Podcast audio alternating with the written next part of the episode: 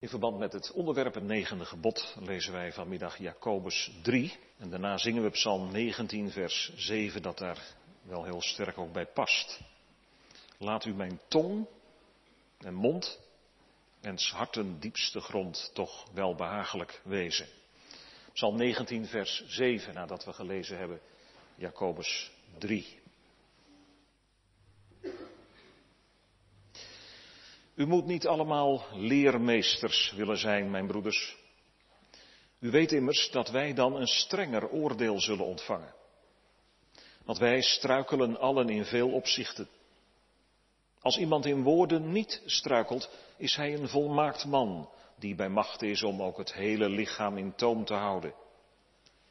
Zie, wij leggen de paarden een bit in de mond, opdat ze ons zouden gehoorzamen, en wij sturen daarmee heel hun lichaam.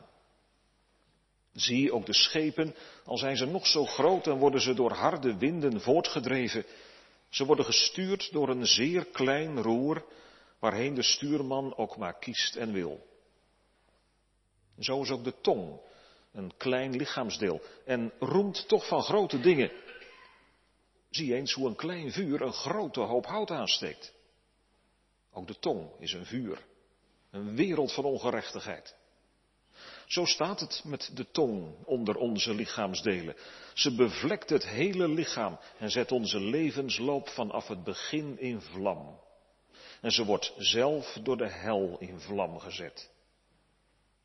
Want elke natuur, zowel van wilde dieren en vogels als van kruipende dieren en zeedieren, wordt getemd en is getemd door de menselijke natuur. Maar de tong kan geen mens stemmen. Ze is een niet te bedwingen kwaad, vol dodelijk vergif. Door haar loven wij God en de Vader. En door haar vervloeken wij de mensen die naar de gelijkenis van God gemaakt zijn. Uit dezelfde mond komen zegen en vervloeking voort. Dit behoort niet zo te zijn, mijn broeders. Laat soms een bron uit dezelfde ader zoet en bitter water opwellen. Kan ook mijn broeders een vijgenboom olijven voortbrengen of een wijnstok vijgen? Evenmin kan een bron zout en zoet water voortbrengen. Wie is wijs en verstandig onder u? Laat hij uit zijn goede levenswandel zijn werken laten zien in zachtmoedige wijsheid. Wanneer u echter bittere afgunst en eigen belang in uw hart hebt, beroem u dan niet en lieg niet tegen de waarheid. Dat is niet de wijsheid die van boven komt. Maar ze is aards, natuurlijk, duivels. Want waar afgunst en eigen belang is, daar heersen wanorde en allerlei kwade praktijken. Maar de wijsheid die van boven is, is ten eerste rein. Vervolgens vreedzaam, welwillend, voor reden vatbaar, vol barmhartigheid en goede vruchten, onpartijdig en ongeveinsd. En de vrucht van de gerechtigheid wordt in vrede gezaaid voor hen die vrede stichten. Tot zover het woord van God. Wij luisteren vanmiddag naar het negende gebod. U zult geen vals getuigenis spreken tegen uw naaste. En dat wordt uitgelegd in zondag 43 van onze catechismus. Zondag 43. Daar wordt gevraagd, wat wil het negende gebod? Dat ik tegen niemand vals getuigenis geef. Niemand zijn woorden verdraai. Geen achterklapper of lasteraar ben. Niemand licht en onverhoord oordeel of help veroordelen maar allerlei liegen en bedriegen als eigen werken van de duivel vermijd. Tenzij dat ik de zware toren van God op mij laden wil. Evenzo dat ik in het gericht, dus voor de rechtbank, en alle andere handelingen de waarheid lief heb, oprecht spreek en beleid, ook de eer en het goed gerucht van mijn naaste naar mijn vermogen voorsta en bevorder. Tot zover. Gemeenteres Heren, er was eens een predikant die aan zijn gemeente vroeg om voor de volgende week Exodus 41 vast is te lezen. En toen de betreffende zondag was aangebroken, vroeg hij en, wie van u heeft het gelezen, steek uw vinger eens op. Er gingen een heleboel vingers omhoog. Waarop de predikant zei, zo ziet u maar dat het zeer noodzakelijk is om vandaag over het negende gebod te preken, want Exodus 41 staat niet in de Bijbel. Deze, uiteraard, wat vreemde manier van doen, geeft wel aan hoe wij allemaal op de foto staan als overtreders van het negende gebod. Jongens en meisjes, er zal wel niemand voor jullie zijn die nog nooit een keer gelogen heeft. Heb jij vanmiddag bij Jan gespeeld? vraagt mama. Ja, mama. Maar intussen zat je heel ergens anders. Maar dat, dat soort dingen doen oudere mensen ook hoor. Je ziek melden, terwijl je het niet bent. Een leugentje om bestwil, enzovoort. En dat terwijl God de God van de waarheid is. De Heer Jezus zei van zichzelf, ik ben de waarheid. En nu zegt de Heer tegen elk mens, maar wel speciaal tegen hen die door het geloof aan de Heer Jezus verbonden zijn, leef nu uit Christus door de leugen af te leggen als een oud kleed en de waarheid te spreken. Daar je element in te vinden. Het thema voor de bediening van het woord is geen vals getuigenis. We staan stil bij vormen van de leugen, de diepte van de leugen en de bevrijding van de leugen. Dus geen vals getuigenis, vormen van de leugen, de diepte van de leugen en de bevrijding van de leugen. Het negende gebod heeft allereerst betrekking op de rechtspraak. In de oorspronkelijke taal komt dat beter uit dan in onze vertalingen. Er staat letterlijk, u zult tegen uw naaste niet als leugenachtige getuige optreden. Van daaruit heeft dit gebod uiteraard ook een veel bredere betekenis. Uw gebod is zeer wijd, zegt een psalmdichter. Maar het is goed om eerst even bij deze eerste betekenis stil te staan. We zitten dan op het gebied van de rechtspraak in Israël. Die lag in de handen van de oudsten in een woonplaats. Zij vormden met elkaar in opdracht van de Heer een soort rechtbank. Denk maar aan Boas, die tien mannen uit de oudsten van Bethlehem in de arm nam om zijn zaak aan hen voor te leggen. Het was geweldig belangrijk wat getuigen zeiden bij die rechtspraak. Ze konden een beslissende stem zijn in de veroordeling van de aangeklaagde. Op de verklaring van twee of drie getuigen kon zelfs iemand ter dood worden gebracht. Zoals de Heer Jezus Christus dat zelf heeft ervaren in het schijnproces dat hem werd aangedaan. En vanwege de ernst van zulke dingen is het geen wonder dat het negende gebod waarschuwt tegen vals getuigenis in rechtszaken. Ook vandaag valt er vanuit dit gebod licht op de rechtspraak. Wij ontdekken in Gods woord allerlei uitspraken die ook voor de rechtspraak vandaag van groot belang zijn. Van de rechter wordt gevraagd dat hij onkreukbaar zal zijn. En dat hij niet lichtvaardig zal oordelen. Hij mag de armen niet voortrekken, maar hij mag ook geen steekpenningen van de rijken aannemen. Hij moet altijd hoor en wederhoor toepassen. Een aanklager mag niet zomaar iemand bijvoorbeeld uit wraakgevoelens beschuldigen. Een getuige mag niet anders dan de waarheid spreken. De advocaat moet wit geen zwart noemen en zwart geen wit, ook al heeft hij op zichzelf genomen een nuttige functie. De beschuldigde zal in het licht van dit gebod zijn schuld, als die bewezen wordt, moeten bekennen. Nou, dat zijn allemaal punten die je, die je in het Oude Testament in de wetten van Mozes tegenkomt. En waar zo het recht wordt gehandhaafd, daar komt de zegen van de Heer. Gerechtigheid verhoogt een volk, zegt de spreukendichter. We lezen het in de psalmen dat daar waar het recht heerst, ook de vrede is. Maar wee de natie waar het recht struikelt op de straten, zoals een van de profeten dat noemt. Daar gaat het van kwaad tot erger. En moeten we niet eerlijk zeggen dat die tendensen er in de rechtspraak in allerlei landen in zitten. En juist in dat verband heeft de profeet Jeremia gezegd, land, land, land, hoor het woord van de Heere.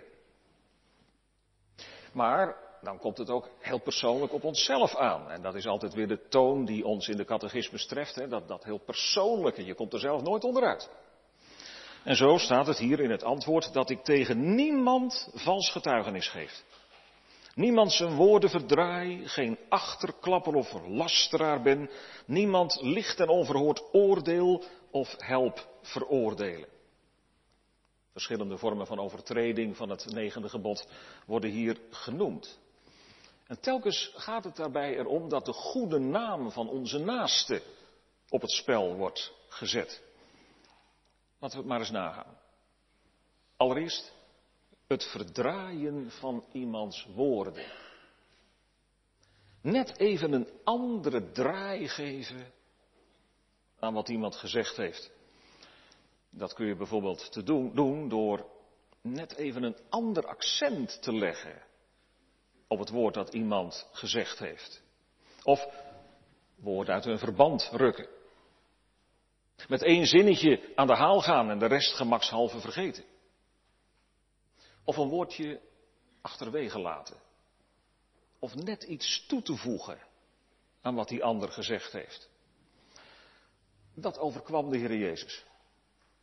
De valse getuigen wisten te vertellen dat hij gezegd had, ik kan de tempel van God afbreken en hem in drie dagen opbouwen. Maar zo had Jezus het niet gezegd. Hij had gezegd, breek deze tempel en ik zal hem in drie dagen oprichten. Hij doelde daarmee op de tempel van zijn eigen lichaam. De tempel of deze tempel? Een wereld van verschil. Merkt u hoe nauw het luistert, hoe wij iemands woorden aanhalen? Vervolgens staat hier achterklappen. Dat is een ouderwets woord, maar het geeft precies weer wat het is. Klappen, dat is kleppen, kletsen achter iemands rug. Roddelen dus. En daarbij kun je, en dat is het graffineerde, daarbij kun je op zichzelf genomen ware dingen zeggen. Zeg, heb je het al gehoord? Van die erge. Wij meten de uitglijders van onze naaste, zijn of haar fouten en gebreken graag breed uit. En we weten dat wij bij dat soort dingen kunnen rekenen op een aandachtig gehoor. Wij willen zo graag wat nieuws horen. En we hebben er eigenlijk nog wel heimelijk plezier in ook. Het is immers een algemeen menselijk, maar wel zondig verschijnsel dat wij liever kwaad over onze naasten horen spreken dan goed. Wat is dat toch, hè, gemeente? Wat is dat met ons? Zou dat er ook niet mee te maken kunnen hebben hoe zwarter de ander is, of afgeschilderd wordt, hoe witter ik zelf lijk. Eer is teer, zegt een spreekwoord. Eer is snel geroofd, maar niet snel weer teruggegeven. Achterklap kunnen we zelfs op een bijna vrome manier presenteren. Als we de indruk wekken dat we het eigenlijk met tegenzin vertellen. Ik vind het niet fijn hoor om het tegen je te zeggen, maar die en die. En dan gaan we weer. De liefde is zo heel anders. De liefde zal een menigte van zonden bedekken, zegt de Bijbel. Of denk aan het bekende hooglied van de liefde in 1 Korinthe 13. De liefde verblijdt zich niet in de ongerechtigheid, maar zij verblijdt zich in de waarheid. De liefde bedekt alle dingen. En daar heb je het weer gemeente, wat we bij elk gebod steeds weer gezien hebben. De liefde is de vervulling van de wet. De catechismus noemt vervolgens ook het lasteren. En dat is dat je dingen van iemand vertelt die pertinent onwaar zijn. Wel bewust iemands goede naam stuk maken. En om het maar even heel actueel te maken, gemeente, in dat verband moeten we ook complottheorieën noemen. In deze coronatijd. Namen van bekende personen komen onder vuur te liggen. Hun worden dingen in de schoenen geschoven die geen mens kan bewijzen. Bill Gates, die de hele wereld aan zijn voeten wil krijgen door het vaccin te manipuleren en zo ons brein te beïnvloeden. Jaap van Dissel, die de aanvoerder is van een pedonetwerk, enzovoorts. Laten we ons er ver van houden, gemeente, want het is rechtstreekse zonde tegen het negende gebod. Liegen tegen beter weten in. U zult geen vals getuigenis spreken. Jongens en meisjes, dat kun je trouwens op school ook doen, hè? Lelijke dingen zeggen.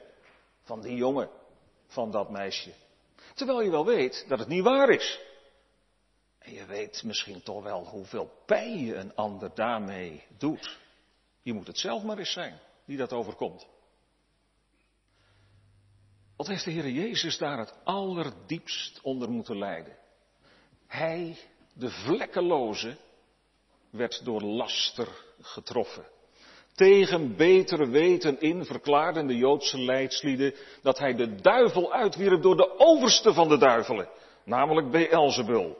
Nou, dat is welbewuste, diep grievende taal geweest. En hij onderging het. In onze plaats. Verder wordt hier genoemd het lichtvaardig of zonder iemand te horen de ander veroordelen. Of helpen veroordelen. Wat hebben we snel ons oordeel over iemand klaar, zonder dat we hem of haar zelf gehoord hebben. Zonder door te vragen naar achtergronden. Of je kunt soms met een half oor luisteren en de rest vul je zelf al in. En vervolgens maak je een verkeerde balans op. Dat gebeurt in het groot en in het klein. Als we de pers nagaan, als je ziet hoe twee verschillende kranten soms een bepaalde gebeurtenis op een totaal verschillende manier verslaan, dan denk je, wat moeten we nou geloven? In de politiek. Een minister kan op een, op een ongenadige manier bejegend worden. Denk bijvoorbeeld aan onze zorgminister De Jonge. Rechtvaardige kritiek op details, jazeker, dat kan er zijn. Maar wordt dan meer dan eens opgeblazen tot een vernietigend oordeel, waarbij de hele persoon of zijn hele beleid wordt weggezet. Het is in dit verband dat de Heer Jezus gezegd heeft, oordeel niet, opdat u niet geoordeeld wordt. Want met het oordeel waarmee u oordeelt, zult u zelf geoordeeld worden. En met welke maat u meet, zult u ook gemeten worden. Waarom ziet u wel de splinter in het oog van uw broeder en merkt de balk in uw eigen oog niet op? Daarmee wil de heiland niet zeggen dat je nooit een oordeel je zou mogen vormen, gemeente. Een rechter moet ambtshalve oordelen. Bij een sollicitatie moet er over kandidaten geoordeeld worden. Daar ontkom je niet aan. Een kerkraad moet bijvoorbeeld bij kandidering voor ambtsdragers of bij toelating tot openbare beleidenis over personen spreken. Dat kan niet anders. De vraag is maar, hoe doen wij dat? Doen we het in afhankelijkheid van de Heer? In bescheidenheid? In het besef dat Hij alleen het hart doorgrondt en onze diepste motieven weegt. Een vraag die bij deze verschillende vormen van leugen zeker ook naar voren moet komen, is die van de, de noodleugen. Dat is wat anders dan een leugentje om bestwil, waarbij het draait om onszelf. Zeggen dat je naar de dokter moet om een uur later op school te kunnen komen, of iets dergelijks.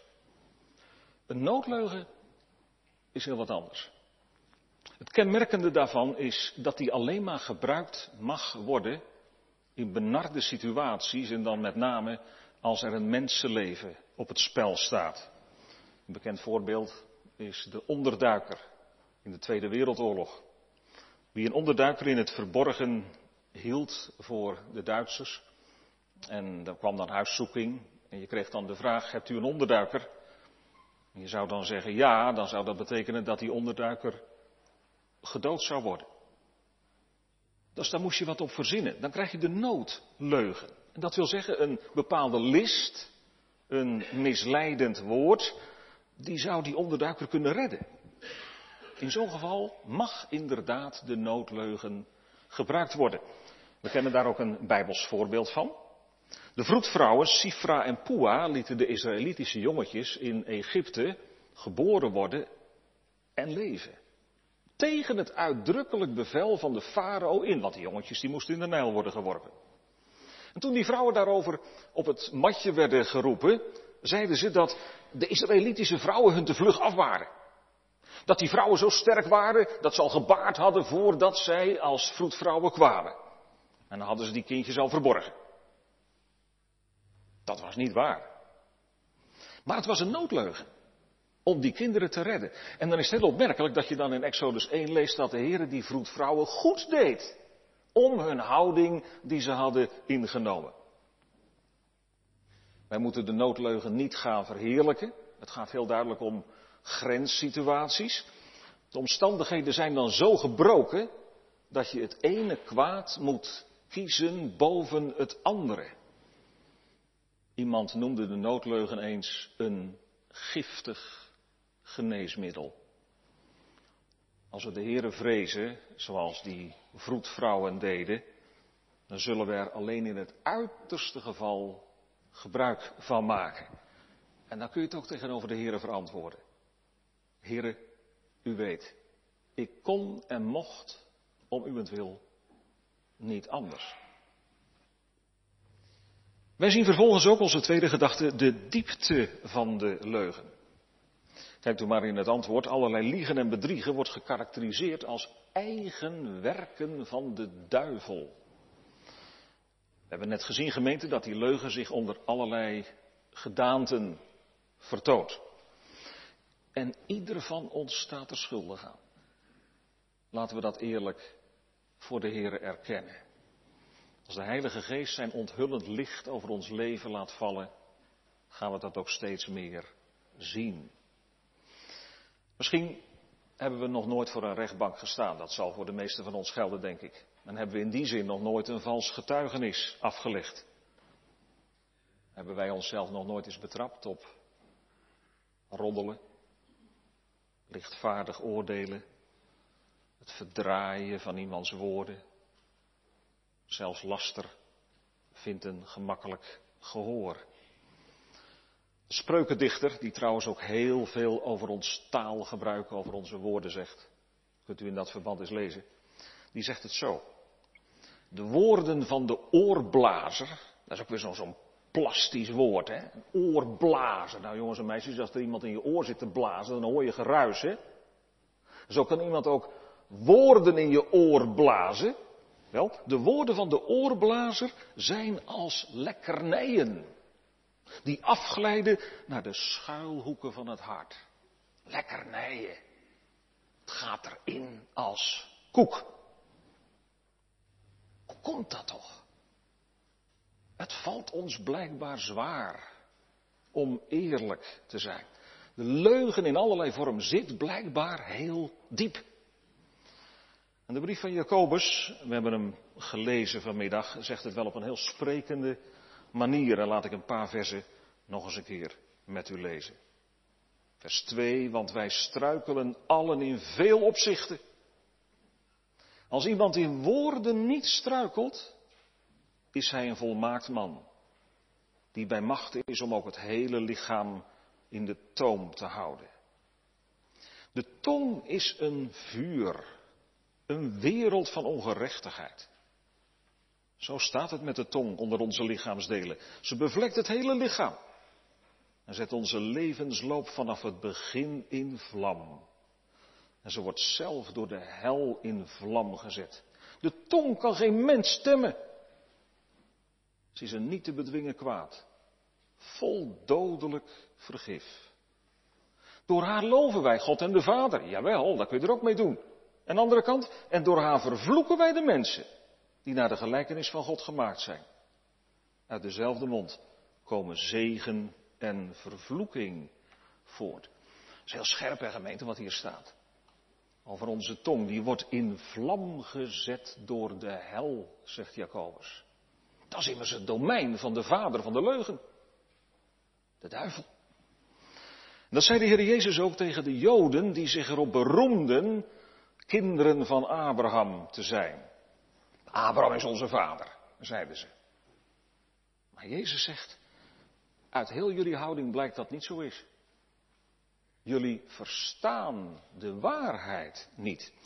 En dan spreekt Jezus een woord dat hen mateloos irriteert.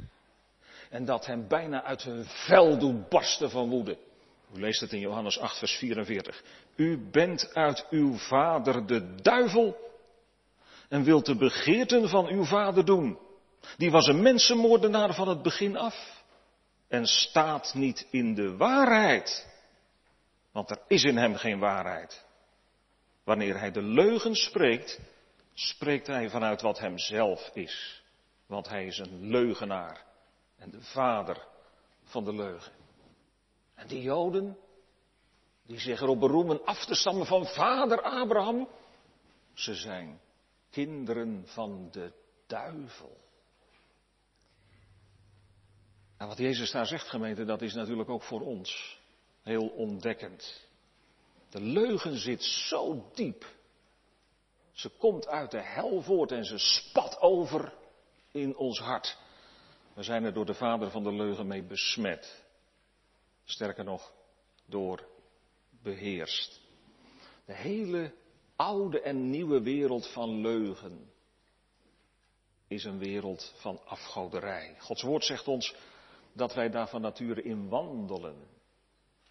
Wandelen zegt, dat doe je op je gemak, met een verstand gehuld in duisternis, vervreemd van het leven van God. En dat woord wandelen laat ons ook zien dat, dat die leugen maar niet iets is van een keertje, maar dat wij ons element erin hebben gevonden. De leugengemeente is kenmerkend voor ons geworden zoals wij geboren zijn. Het valt op dat juist daar waar de Bijbel spreekt over de leugen, ook meer dan eens gesproken wordt over de zware toren van God. Die ik dan blijkbaar op mij laden wil. Heel Gods wezen torent tegen de leugen. Door de leugen hebben wij God verlaten in het paradijs. Door de leugen hebben wij zijn zoon gedood. Daarom zal het oordeel van God vreselijk zijn over hen die in de leugen blijven leven. Openbaring 21 zegt het, hè, bijna aan het eind van de Bijbel. In het nieuwe Jeruzalem zal niet binnenkomen iets dat gruwelijkheid doet of leugen spreekt. En daarom gemeente, het moet anders. En het kan ook anders. Bekering is nodig. En is laatste, de bevrijding van de leugen. Er is een volk op deze wereld dat leerde bidden.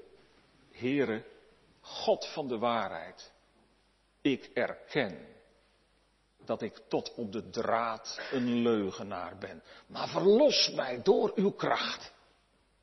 Om Jezus wil. En leer mij naar uw wil te handelen.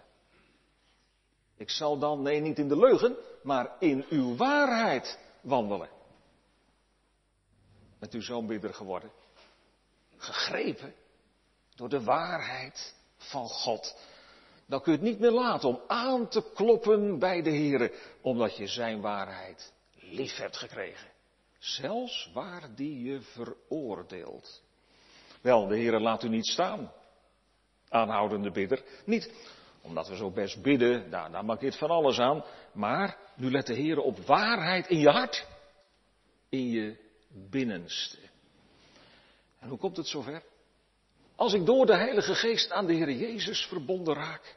Aan Hem die de waarheid zelf is. Dat is geen woord te veel gezegd. Zijn stem klonk. Vader, ik wil niet dat u uw waarheid los moet laten. Uw waarheid moet verheerlijkt worden. Uw waarheid heb ik lief gehad. En de leugen heb ik gehaat. Ik draag uw waarheid in mijn hart. Christus heeft Gods waarheid lief. Met heel zijn hart. Met heel zijn ziel. En hij is bereid om voor die waarheid te getuigen. En ervoor te sterven. Zo zei hij het. Ik ben gekomen om voor de waarheid getuigenis te geven. Hij werd ons in alles gelijk. Behalve in de zonde. Dus ook niet in de leugen. Hij kan niet liegen. Jongens en meisjes, u dat altijd onthouden. Er is één ding wat de Heer niet kan, hè. Hij kan niet liegen. En hij wil niet liegen. Nou, dat accepteert de hel niet. Heel die leugenmacht komt in opstand tegen hem, die de waarheid is. En wanneer hij onder eedzwering bevestigt dat hij de zoon van God is, dan wordt de waarheid door de leugen uitgeworpen. Jezus sterft door en voor leugenaars. Heeft u zich zo aangeklaagd door dit gebod? U denkt, ik zit eronder en ik zak er steeds weer in. Maar, ik heb er zo'n verdriet van. U kunt er in het diepst van uw hart toch niet meer aan wennen. Zelfs als u er toch weer in verviel, is het voor u zo'n strijd geworden. Als ik het goede wil doen, dan ligt het kwade mij bij. Wanhoop dan niet. Want dan mag u weten, Christus heeft ook voor u de zware toren van God tegen de zonde, tegen dit gebod gedragen. Als dat toch niet waar was, gemeente, waar moest je dan blijven? Laat het nu dwars tegen alle zonden in, maar zingen in uw hart. God lof, het is waar. Christus droeg de vloek voor mij. Hij is tot leugenaar gemaakt om mijn zonden te verzoenen en mij in zijn waarheid te leren wandelen. Ja, dat laatste ook. Daar zorgt hij ook voor. Ondanks alle trekkracht van de leugen kan ik mijn elementen niet meer in vinden. Jongens en meisjes, een vis, die vindt zijn element in het water. Hè? Die doet niks liever dan in het water zwemmen. Dan, daar voelt hij zich helemaal in thuis. Zoals jij en ik zijn van nature, dat wil dus zeggen zoals je geboren bent zonder een nieuw hart, dan vind je je element in de leugen. Dan zwemmen we er om zo te zeggen in. Maar weet je wat er nou gebeurt als je een nieuw hart krijgt? Dan ga je om zo te zeggen zwemmen in de waarheid. Dan voel je daarin thuis als een vis in het water. De Heilige Geest leidt mij binnen in Gods waarheid. Hij doet Christus, de waarheid zelf, wonen in mijn hart. Ik krijg Hem, de waarheid zelf, intens lief. En zo, door de omgang met Hem, leer ik de waarheid spreken. We hebben zo'n negatief spreekwoord, hè? met wie je omgaat word je besmet. Nou, laten we het maar positief maken. Als je veel met de Heer Jezus omgaat, gemeente, dan ga je op Hem lijken. Positief. Ik ga allereerst goed spreken van de Heer. Waar de leugen begon, namelijk in het verdacht maken van God, daar wordt ze ook als eerste onttroond. Ik kan geen kwaad woord meer van de Heer horen. Hij is mijn rots. En in hem is geen onrecht, zegt een psalmdichter. En dat gaat zich verder uitwerken in het leven van de bekering, in het stuk van de dankbaarheid. Want daar hebben we het over. En de Heer roept daar ook toe op, in zo'n gedeelte dat daar ook over gaat, even 4. En dan zegt hij, leg de leugen, de oude mens af en spreek de waarheid. Ieder met zijn naaste. En dan ook die woorden in dat verband. Laat er geen vuile taal uit uw mond komen, maar wel iets goeds. Dat nuttig is tot opbouw, opdat ze genade geeft aan hen die haar horen. Wat een heerlijke vrucht, gemeente van de Heilige Geest. Als je niet meer spreekt om een ander af te breken, af te branden, maar om een ander juist op te bouwen. Zo heeft de Heer het bedoeld. En zo wil hij het ons door zijn geest weer gaan leren. Dan gaat het hele leven door. Jawel, soms zijn er weer van die aanvallen vanuit het rijk van de boze. Soms zomaar ineens weer zo'n verleiding, zo'n stemmetje dat in je zegt, joh, Even een leugentje. Dan ben je er vanaf. Vlucht dan steeds opnieuw naar de waarheid, de Heer Jezus Christus. Om Hem aan te trekken als een nieuw kleed. Om zo een mens te zijn die uit de waarheid geboren is. Misschien zegt iemand, ja, wat zou ik dat graag willen? Zo mens te zijn. Zuiver. Goed van God te spreken. En ook mijn naaste met mijn woorden te bouwen en te dienen. Wel, laat het uw gebed maar zijn zoals David het bad in Psalm 51. Heere, open mijn lippen, dan zal mijn mond uw lof verkondigen. Hoe dichter bij de Heere, hoe meer ik ga leren om Hem te dienen en ook de naam van mijn naaste hoog te houden. Ik krijg er hoe langer hoe minder behoefte aan om mijzelf wit te maken en de ander zwart. Ik heb genoeg aan mijzelf. Ik leer de ander voortreffelijker achten dan mijzelf. In de rechtspraak, maar waar dan ook maar, ga ik de waarheid lief krijgen. Ik leer door zijn geest oprecht spreken. Niet meer met een dubbele tong, maar eerlijk. Ook oprecht beleiden staat er hier in het antwoord. Bij een openbare geloofsbeleidenis. Bij de doop van mijn kind. In mijn gang naar de avondmaalstafel. En naar buiten, waar ik maar leef en werk. Nee, niet met bravoer, maar omdat ik de waarheid lief heb. Mag u dat nou ook heel eenvoudig zeggen? Het gaat niet om grote dingen. Maar dat je kunt zeggen, heren, u weet alle dingen. U weet dat ik u lief heb. En dat ik uw waarheid lief heb. En juist zo'n oprechte herken je eraan dat hij steeds weer vraagt, heren, laat de oprechtheid meer en meer met de vroomheid mij behoeden. Want ja, je moet altijd op je hoede blijven voor je oude mens. Voordat je het weet, struikel je weer. En daarom dicht bij de Heere leven. Vanuit het hartelijke verlangen dat de Heere Jezus in mij zichtbaar wordt. En zo leer ik ook, wat het laatste is wat hier genoemd wordt, de eer en het goed gerucht van mijn naaste naar mijn vermogen op te, te, te zoeken en te bevorderen. En dat is positief huiswerk, gemeente.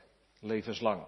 Want u merkt wel, hier waait de wind uit een heel andere hoek.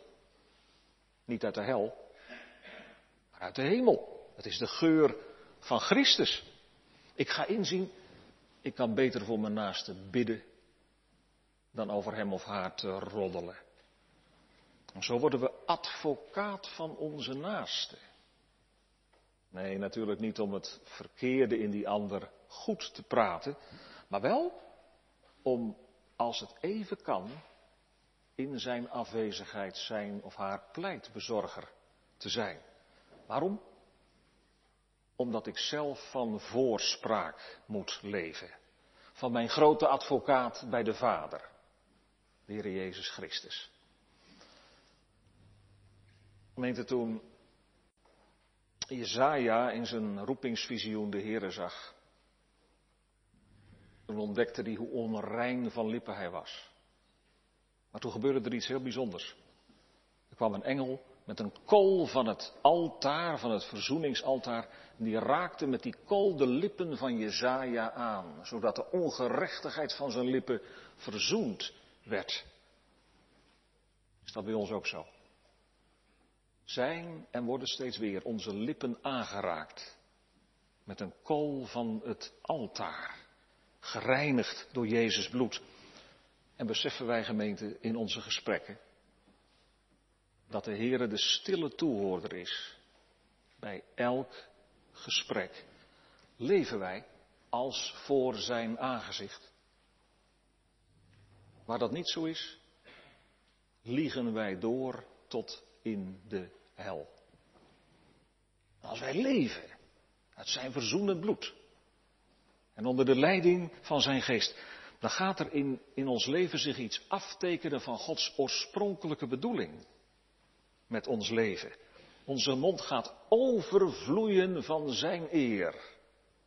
Zoals een bron zich uitstort op de velden. En je verlangt naar het volmaakte. Naar een leven in loutere dankbaarheid. Waarin je je tong alleen nog maar gebruikt om Hem te eren. En je naaste te dienen. Straks wordt het dan ook volkomen waar.